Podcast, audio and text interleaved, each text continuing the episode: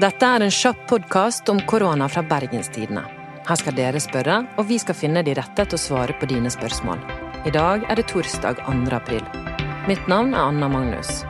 Produsent og kollega Henrik Svanevik, hva er det vi må svare på i dag?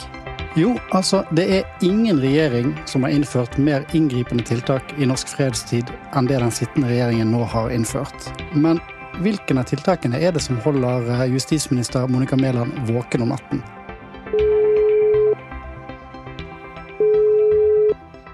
Hallo? Hei, Monica Mæland. Hei, det er det. Hei. Hei, Anna Magnus fra Bergens Tidende. Hei. Monica Mæland, du er justis- og beredskapsminister i landet vårt, og det er ingen regjering som har innført mer inngripende tiltak i norsk fredstid. Hva tenker du om det, at du har gitt oss så mye ufrihet? Jeg tenker at eh, det er veldig dramatisk, eh, og eh, de tiltakene forteller jo hvor alvorlig dette er. Det handler jo om å sikre at vi i størst mulig grad forhindrer spredning av smitte. Det handler om at vi skal forhindre sykdom og dødsfall. Eh, og vi ser jo eh, bilder fra andre land med fryktelige tilstander. Dit vil vi ikke, og det er det vi prøver å forhindre.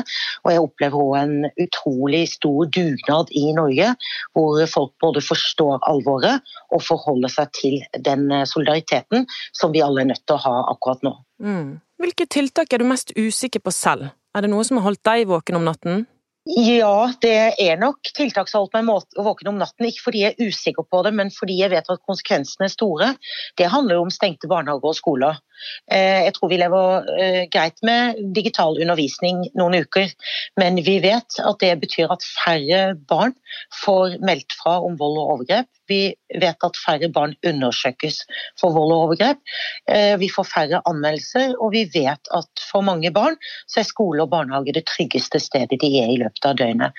Det bekymrer meg veldig, og vi gjør alt vi kan for å avhjelpe den situasjonen. Men det er en konsekvens som er veldig alvorlig. Hvilke tiltak tror du vi må leve lenge med, og hvilke kan vi raskt kutte, tenker du?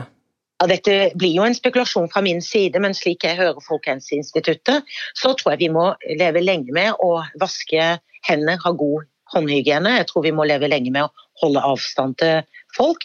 Jeg tror det blir en stund til vi eh, ja, står tett oppå hverandre, klemmer og oppfører oss sånn som vi pleier. Jeg tror nok at eh, smitteverntiltak eh, vil måtte pågå en stund ennå.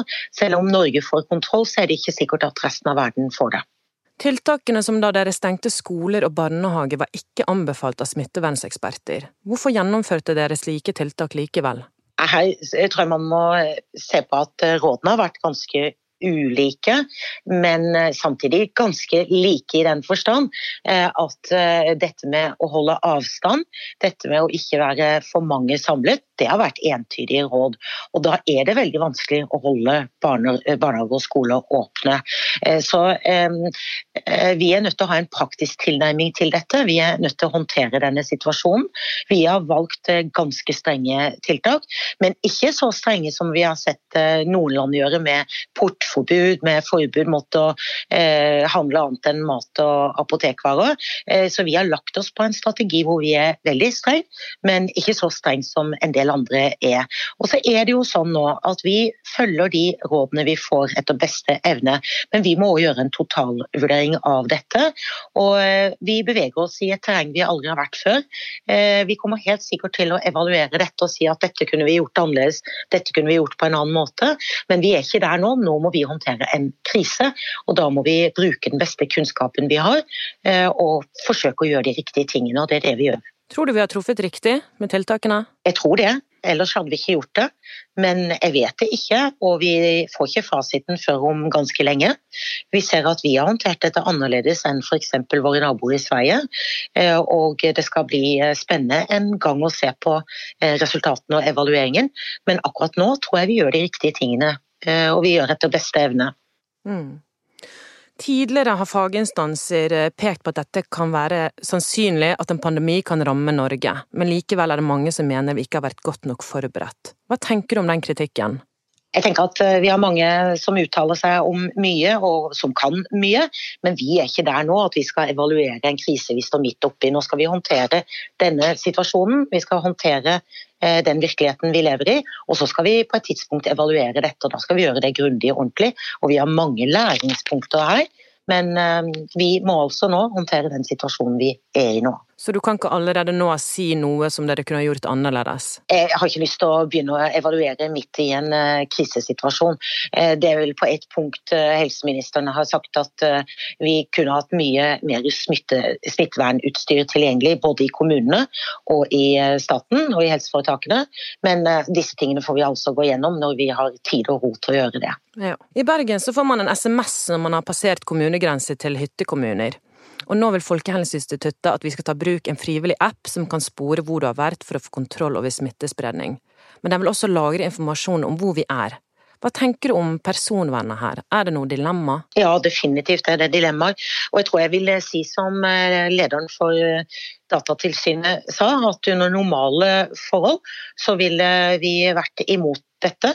Men når dette er en app som kan hjelpe oss å spore smitte, og det er kanskje noe av det viktigste vi gjør nå, det å forhindre smitte med å spore smitte og med å teste flest mulig, så eh, gjør vi dette eh, under den forutsetning at denne appen er helt frivillig å bruke. Du og jeg er ikke tvunget til det, selvsagt ikke. Vi kan bruke den hvis vi vil, eh, og formålet er viktig. Men eh, dette er altså eh, i en krisesituasjon ingen normal situasjon. Med sånn type opplegg kan jo kanskje hjelpe oss til å ta serieovergripere f.eks. Er det noe vi burde vurdere å beholde etter koronakrisen? Jeg vil jo være sterkt imot det. Eh, dette handler altså om liv og død, eh, om å forhindre eh, spredning av smitte, og det er helt frivillig. Så jeg tror at den debatten hører hjemme nå, men ikke i en normal sammenheng, gitt at vi har andre måter å f.eks. etterforske overgrep på. Monica Mæland, du har jo også vært næringsminister. Når tror du samfunnet er tilbake i full produksjon og det norske næringslivet er oppe og står igjen? Jeg tror nok uh, fort at mye aktivitet vil komme tilbake. Men når vi er helt der vi var, uh, det tør jeg faktisk ikke spå om. Og det er ikke sikkert vi kommer der vi var. Men jeg tror at mye aktivitet kommer til å ta seg opp uh, fort. På samme måte som vi stengte ned fort og har endret radikalt måten vi lever på nå, ja, så tror jeg vi kan skru tilbake til normalen eh, når det er grunnlag for det. Så jeg håper og heier på alle de nå som jobber for å holde hjulene i gang, men alle de oss som er klare til å gå i gang når vi kan det. Vi må alle bidra til at vi kommer gjennom dette, og det kommer vi til å gjøre. Akkurat nå må vi bare holde ut eh, og holde sammen, eh, og så eh, kommer det tider etter dette, heldigvis. Er det noen andre ting du vil fortelle lytterne våre på tampen? Nei, ikke noe annet enn at jeg savner Bergen. det skjønner jeg. Det ville jo alle ha gjort, selvfølgelig. Selvfølgelig. Nei, men du, du må ha lykke til med arbeidet. Tusen takk. Takk skal du ha. Hei. Ha det godt. Husk at du kan laste ned vår podkast-app. Den heter BT Lytt. Her finner du alle episodene av Koronapodden, samt mange andre podkaster fra Bergenstidene. Vi er tilbake i morgen fredag med et nytt spørsmål. Følg med på BT sin løpende koronadekning på bt.no. Mitt navn er Anna Magnus, og produsent var Henrik Svanvik. Lurer du på noe, send meg en e-post på anna.magnus.bt.no.